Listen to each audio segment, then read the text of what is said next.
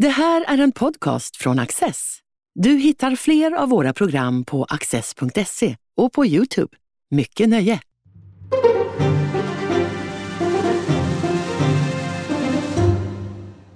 Välkomna till Studio Access. Jag och min gäst Hans Wallmark som är moderat viceordförande i riksdagens utrikesutskott, talesperson i utrikespolitiska frågor, ska prata om eh, ja, vad som accentuerades för 12 timmar sedan när eh, Ryssland kraftigt trappade upp den redan pågående invasionen utav Ukraina och gick över gränsen med tunga eh, förband. Vi spelar alltså in på eftermiddagen torsdagen den 24 februari. Varmt välkommen Hans. Stort tack. Hur överraskad är du vad som har hänt?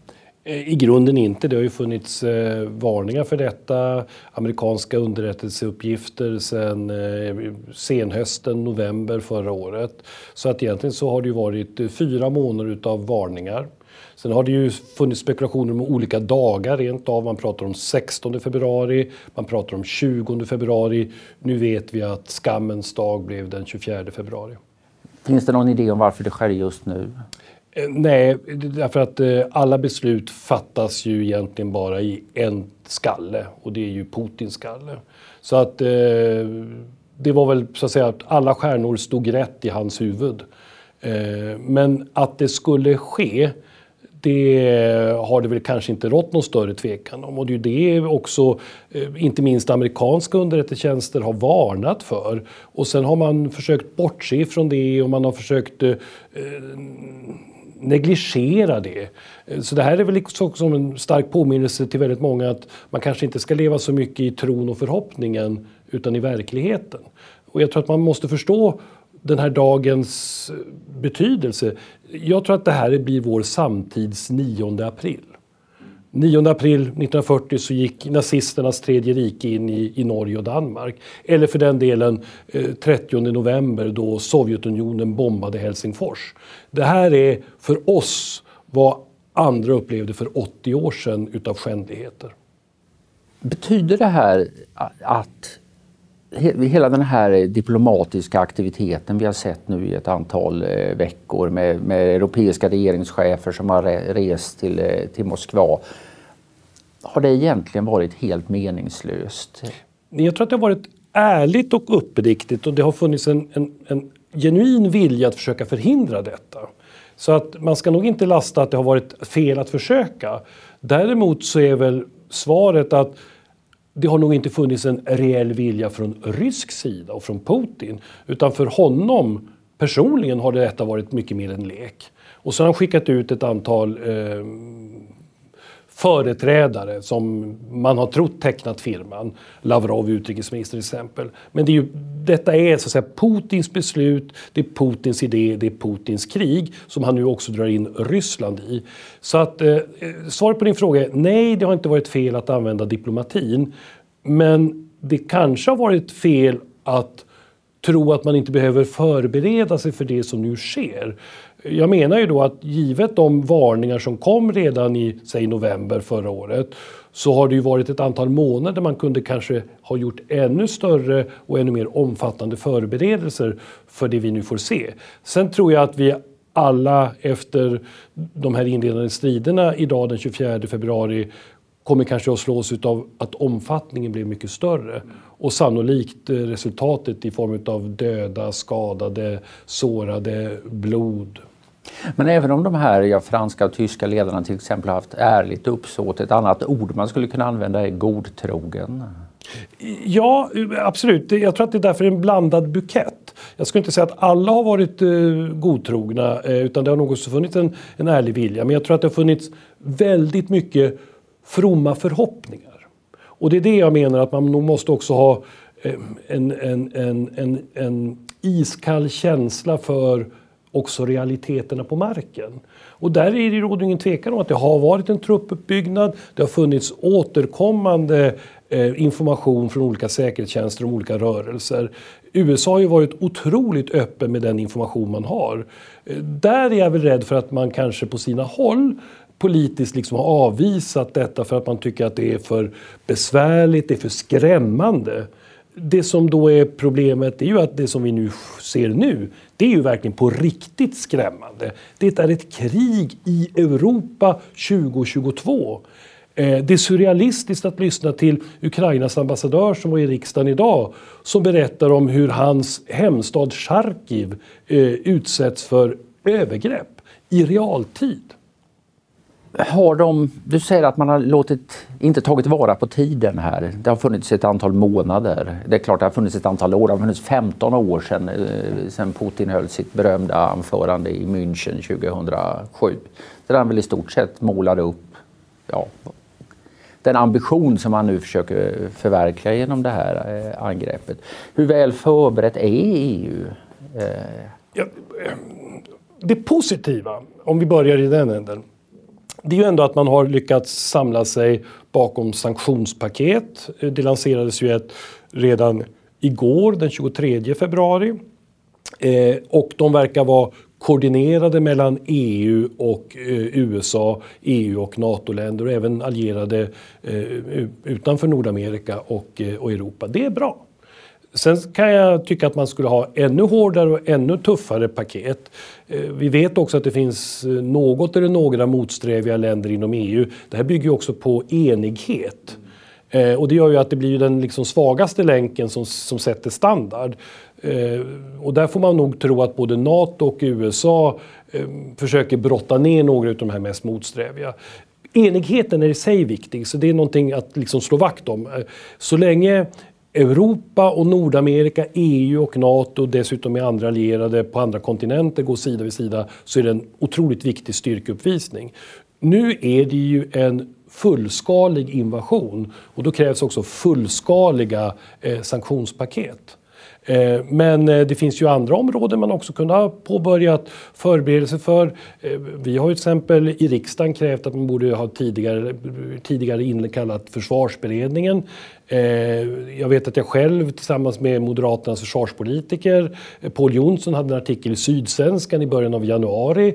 Det tog fyra veckor innan regeringen kunde liksom leverera det.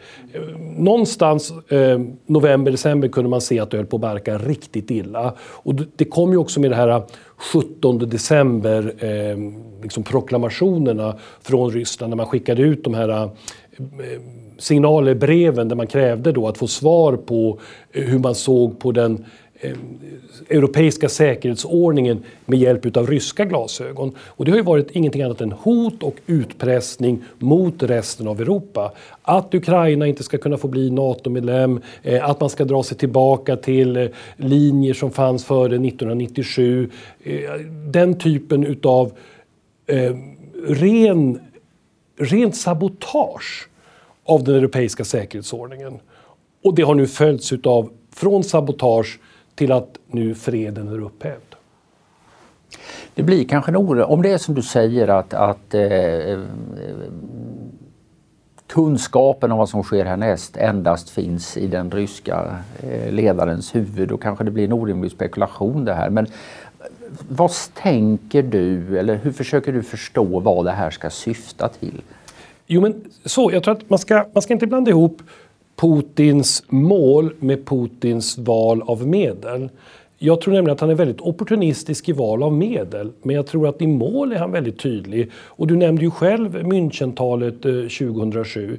Så alltså målet är ju att eh, att upprätta någon form av nytt moder Ryssland. Där jag tror att man mer tittar på kanske det gamla imperiet snarare än Sovjetunionen. För övrigt om jag får göra reklam så tidningen Access har haft ett antal artiklar om detta. Bland annat så var det en för några nummer sedan som just beskrev att i praktiken så är dagens ryska gränser tillbakatryckta till där de befann sig för ungefär 300 år sedan. Eh, och då vill Putin skapa den här typen av intressesfär, buffertzoner. Så tillvida så tror jag att det är korrekt att han kanske inte vill ockupera länder, men han vill ha kontroll över dem. Han vill kunna styra dem. Han vill att de i vart fall ska fråga om lov innan de själv vidtar någonting. Och sen ska man också ha i minnet att redan före det vi nu upplever så har vi eh, ockupation utav delar av Georgiens territorium i det så kallade Sydossetien och Abchazien. Vi har ockupation delvis utav Moldaviskt territorium i form av Transnistrien och sen 2014 den illegala annekteringen av Krim och de strider som har varit i östra Ukraina i, i, Don, i Donbass. Och det är det som vi nu ser hur han har erkänt då ja. Luhansk och eh, Donetsk. Och där upprättar man en sorts hittepåstater vars, eh, vars ledningar då får eh, i, i uppdrag att höra av sig till Moskva och be om hjälp och stöd och så vidare. Och det har de, de nya styrena i, i eh, Luhansk och Donetsk redan gjort om jag har förstått eh, saker och ting rätt. Exakt och sen ja. så eh, det så kallade ryska parlamentet har då uppmanat Putin om att erkänna de här och det var det Putin gjorde för några dagar sedan med det här ganska bizarra tv-framträdandet. Eh, och det följer då sin egen om en oerhört skruvade logik. Och det som då också är att det har ju då inte bara varit det utav så att säga, ryska intressenter kontrollerade delar utav eh, Donetsk och Luhansk utan han har ju då sagt att hela det här är då att betrakta som självständiga stater. Och därmed så gör ju sig också Ukraina skyldig till eh, ska man säga, annektering av andra länders territorium när det är deras eget land. Mm, enligt denna aparta logik. Ja. Precis, och det, det, det, är det, det som gör det, det gör ju det som gör det så svårt att ibland förhandla med, med ryska intressen. Därför att de har sin helt egen logik, eh, om nu lo, ordet logik är det vi ska använda. Och de är ju ibland otroligt överformalistiska och överlegalistiska eh, och liksom tolkar verkligen handlingar på ett, ett sätt som ingen vanlig folkrättare eller en vanlig jurist skulle tolka det. Men vad skulle detta innebära? Innebär det att den här offensivens eh, tar inte slut förrän man på något sätt har skaffat sig en sån kontroll över Ukraina att det blir en sorts lydstat i realiteten. Så att det, man behöver inte ockupera territorium. Det är, ju, det är ju få stormakter som är så mest pigga på detta idag. Det är ett stort land med väldigt många människor. Fruktansvärt svårt att hålla antar jag för en, för en stormakt.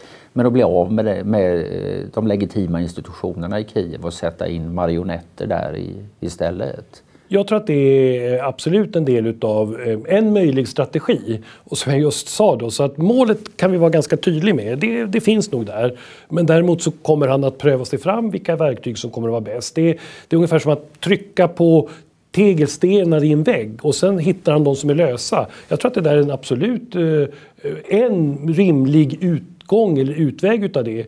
Det som då kan förstöra det, eller förhindra det, det är ju dels det ukrainska folkets egen motståndskraft, motståndsviljan och att EU, Nato, Nordamerika, Europa sida vid sida trycker tillbaka, inte minst med hjälp av kännbara sanktioner.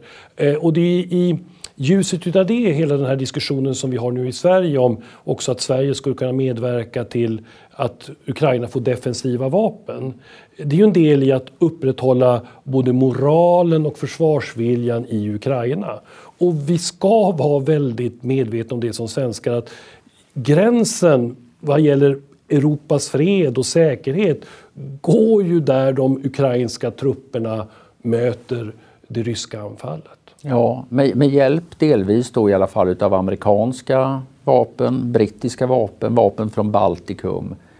Eh. Idag så visade ambassadören en lista på ett antal länder som enligt Ukraina då eh, bistår eh, landet med just den typen av eh, olika saker som de behöver för att kunna utkämpa striden.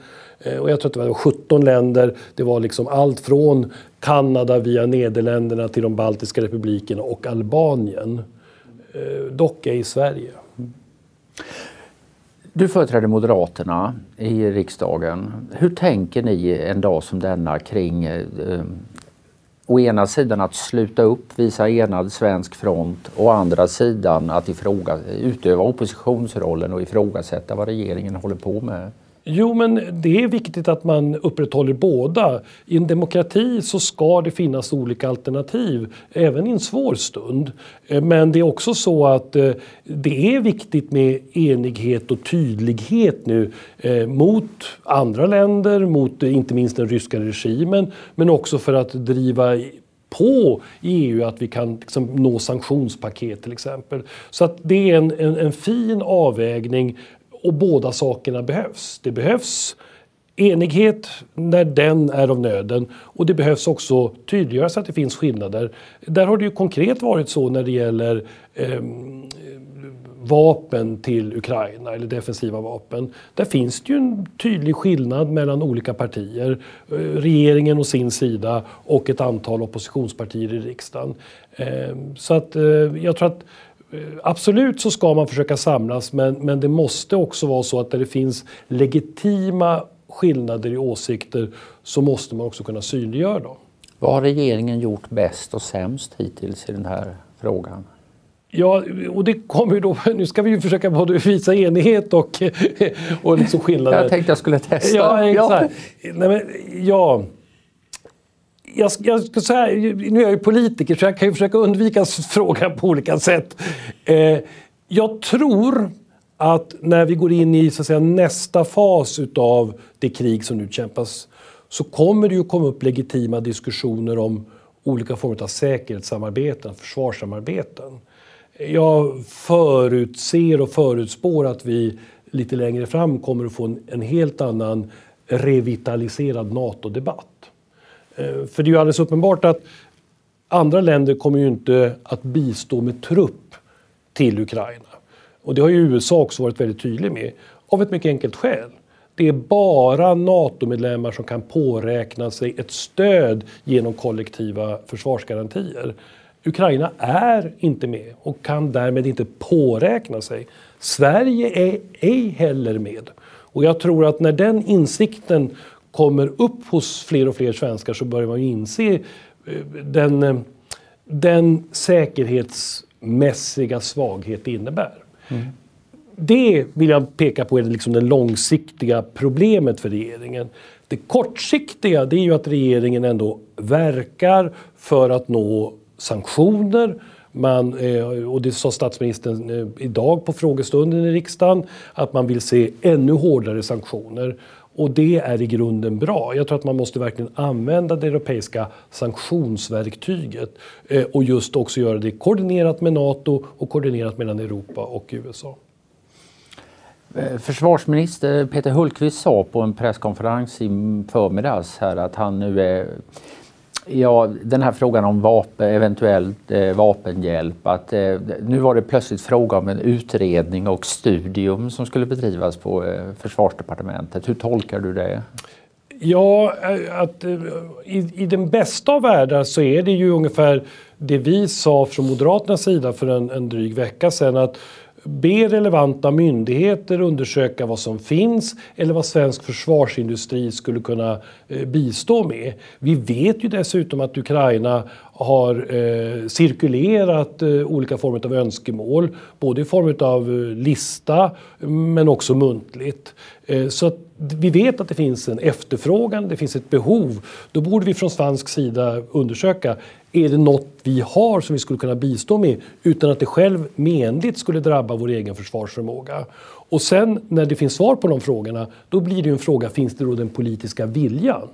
Eh, och vi moderater är beredda att medverka till den, den eh, eh, politiska viljan. Finns de praktiska förutsättningarna? Det är ju det som man måste undersöka. Alltså, finns Går det... det att föra in materiel i Ukraina så som läget nu ser ut? Det är jag ganska övertygad om. Och det är i alla fall den eh, bild som eh, Ukraina förmedlar via sina ambassadörer. Eh, så att det är ju, det, det är ju verkligen så att man ger uttryck för det här behovet. Sen tror jag också att man då ska inse att man ska inte ställa olika stödsystem mot varandra. Eh, jag är i grunden för allt det andra som också den svenska regeringen har öppnat för. Med hjälp av biståndsmedel för det rent humanitära. Det har handlat om eh, ekonomiska stödpaket. Eh, det kan ju vara olika former av låneinstrument givet att eh, Ryssland inte bara attackerar Ukraina rent på marken utan även mm, för att undergräva ekonomin. Vi hade ju också en diskussion för några dagar sedan om eh, det stödpaket som röstades igenom i Europaparlamentet på motsvarande 12-13 miljarder. Men allt detta kan ju också kombineras med att man öppnar upp för defensiva vapensystem om det finns tillgängligt och det skulle kunna gå utan att det menligt skulle drabba den svenska försvarsförmågan. Kring det här EU-stödpaketet så eh, uppstod ju en del frågetecken kring eh, Sverigedemokraternas agerande i Europaparlamentet och det kom ungefär samtidigt som Jimmy Åkesson eh, ja, generöst kan man säga, var otydlig i sina, i, i sina svar när han skulle välja mellan Biden och Putin. Eh, nu säger Sverigedemokraterna att ja, vi vill inte ge dem pengar, men vi vill ge dem vapen eh, i Europa. Och eh, Åkesson säger att han föredrar ändå demokrati framför diktatur. Eh, men ändå, liksom, hur känns det? Detta är en blivande samarbetspartner här. Jo, eh, vi hade ju eh, utrikespolitisk debatt precis just den dagen när, när den frågan ehm, från Bryssel om, om lånepaketet kom upp och även eh, intervju med Åkesson. Vart parti får ju tala för sig. Men för mig och Moderaterna är det väldigt viktigt att vara tydlig om EU och rättsstatens principer, eh, om stöd till eh, Ukraina, att eh, en eh, demokratiskt vald president i USA alla dagar i veckan att föredra framför en icke-demokratisk vald. Eh, så att eh, jag tycker att vi har varit väldigt tydliga. Eh, och en moderatledd regering kommer att ha samarbete med Nato, det långsiktiga målet det är vi ju ingen tvekan om, och EU som centrala pelare för vår utrikes och säkerhetspolitik. Försvarspolitiskt, om man tänker på vad betyder det här för Sverige? Betyder det som har hänt i natt att vi bör göra någonting som vi annars inte skulle ha gjort eller att göra någonting fortare än vi annars skulle ha gjort? Ja, eh, och svaret på den frågan är nog bo sannolikt båda och jag skulle kunna addera till och sannolikt göra mer utav någonting också. Så fortare, mer och kanske annorlunda. Eh, som jag nämnde tidigare så har ju då efter önskemål från eh, till slut egentligen sex partier så har man ju nu släppt fram ett slags försvarsberedning. Det liknar ju inte de gamla försvarsberedningarna utan det är ju mera någon slags försvarsministerns egen förhandlingsgrupp. Eh, de ska ju nu, eh, jag sitter själv med i den, vi ska ju få underlag här de kommande dagarna från relevanta myndigheter om vad man skulle kunna göra här och nu för att eh, öka svensk säkerhet och svensk försvarsförmåga. Och då får vi titta på de underlagen. Jag tror att givet nu vad som har hänt efter den 24 februari så kanske man måste ha ett kompletterande underlag till det. För, för att man måste verkligen ställa sig frågan, vad är det nu vi i den rådande stunden kan göra? Och då tror jag att vi också måste vara beredda på att det kan behövas justeringar, det kan behövas göra saker och ting fortare och det kan sannolikt behövas eh, anslås mer medel. Där har ju den inledande diskussionen varit den att man från regeringens sida har sagt att jo, men vi kan tillföra medel nu, men då tar vi det från framtiden. Och så funkar det ju inte. Eller så här, jo så kan det funka men det blir väldigt dåligt. För tar du för framtiden då innebär det ju att då kommer det ju straffas längre fram med indragna övningar, med hot mot eh, regementen du kanske har tänkt öppna upp eller att materielprojekt som vi planerar för nu måste ställas in.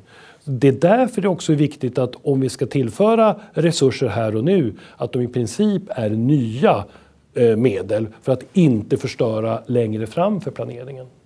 Ett argument i den där diskussionen har varit att försvaret är redan statt i expansion och att det är en ovan situation för dem och att det i sig kräver resurser. Att det är svårt att nyttiggöra mycket nya pengar. Vad ger du för det argumentet? Att jag tycker att då ställer man väl den frågan till vapengrenscheferna om, de inte om det inte finns någonting som man här och nu kan göra som eh, skulle kunna öka svensk säkerhet. Jag är ganska säker på att en marinschef, en flygvapenchef och en arméchef eh, kommer att säga att jo, man kan göra detta och detta och detta. Och då blir det politikens uppgift att i så fall säga att det här är rimligt och vi är beredda att anslå de här resurserna.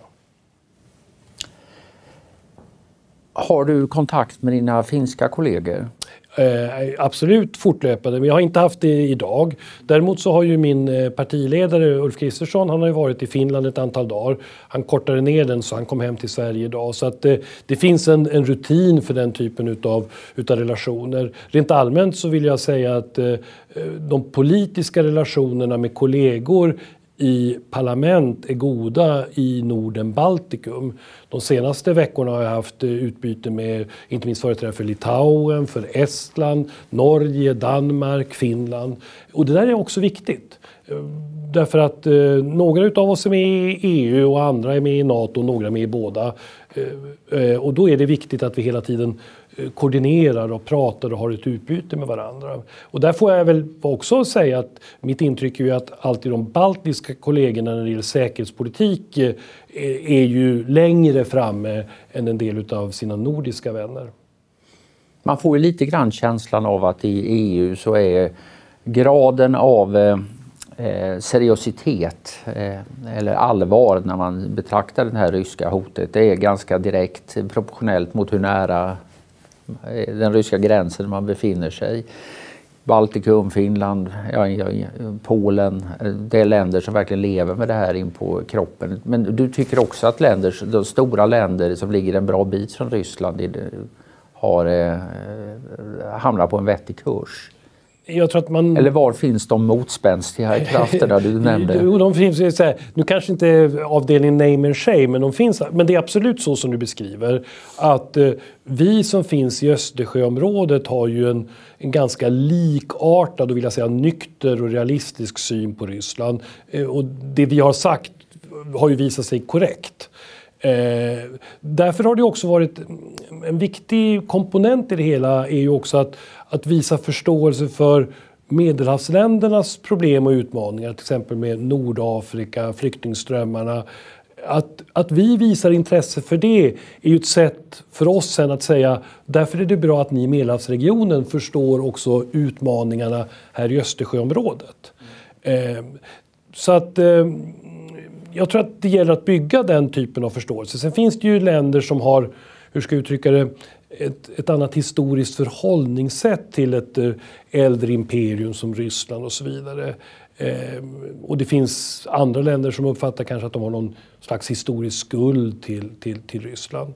Eh, I sammanhanget får man väl ändå tillskriva att jag tycker att USA under president Biden ändå har visat prov på ett bättre ledarskap. I vart fall ett mycket bättre ledarskap än man såg under de fyra åren av Trump. Där man då har samordnat också egna sanktionspaket. Man har ju varit väldigt generös med de här uppgifterna som förberedde Europa på den urladdning som nu kom den 24 februari. USA har ju rent av delvis kommit att anklagas för att vara alarmistisk eller liksom ropa på vargen. Eh, nu har vi ju facit. Det är ju de som har sagt att kriget kommer som dessvärre fick rätt. Så den transatlantiska länken som alla talar om, den lever? Det vill jag säga. Jag tycker nog att den är starkare eh, nu än, än, på många år. Just därför att man också kunnat koordinera och samordna. Och det var ju som jag också sa för en stund sedan just att det positiva är ju att, att EU har lyckats komma sig samman kring sanktionspaket. Det finns en koordinering mellan EU och NATO. Det finns en koordinering mellan Europa och Nordamerika. Det är i grunden bra. Eh, och där vill jag nog ändå tillskriva eh, USA en viss del av detta ledarskap och det ska man berömma dem för. Det där var ändå en aningens optimistiskt budskap. Och, I en eh, annan ganska mörk stund. Ja, och det kan man behöva en dag eh, som denna. Så vi tar och slutar där. Eh, Hans Wallmark, stort tack för att du har varit med oss. Tackar. Och tack till er för att ni har tittat. Du har just lyssnat på en podcast från Access. Du vet väl att vi också är en tv-kanal och tidning? Teckna en prenumeration idag på access.se.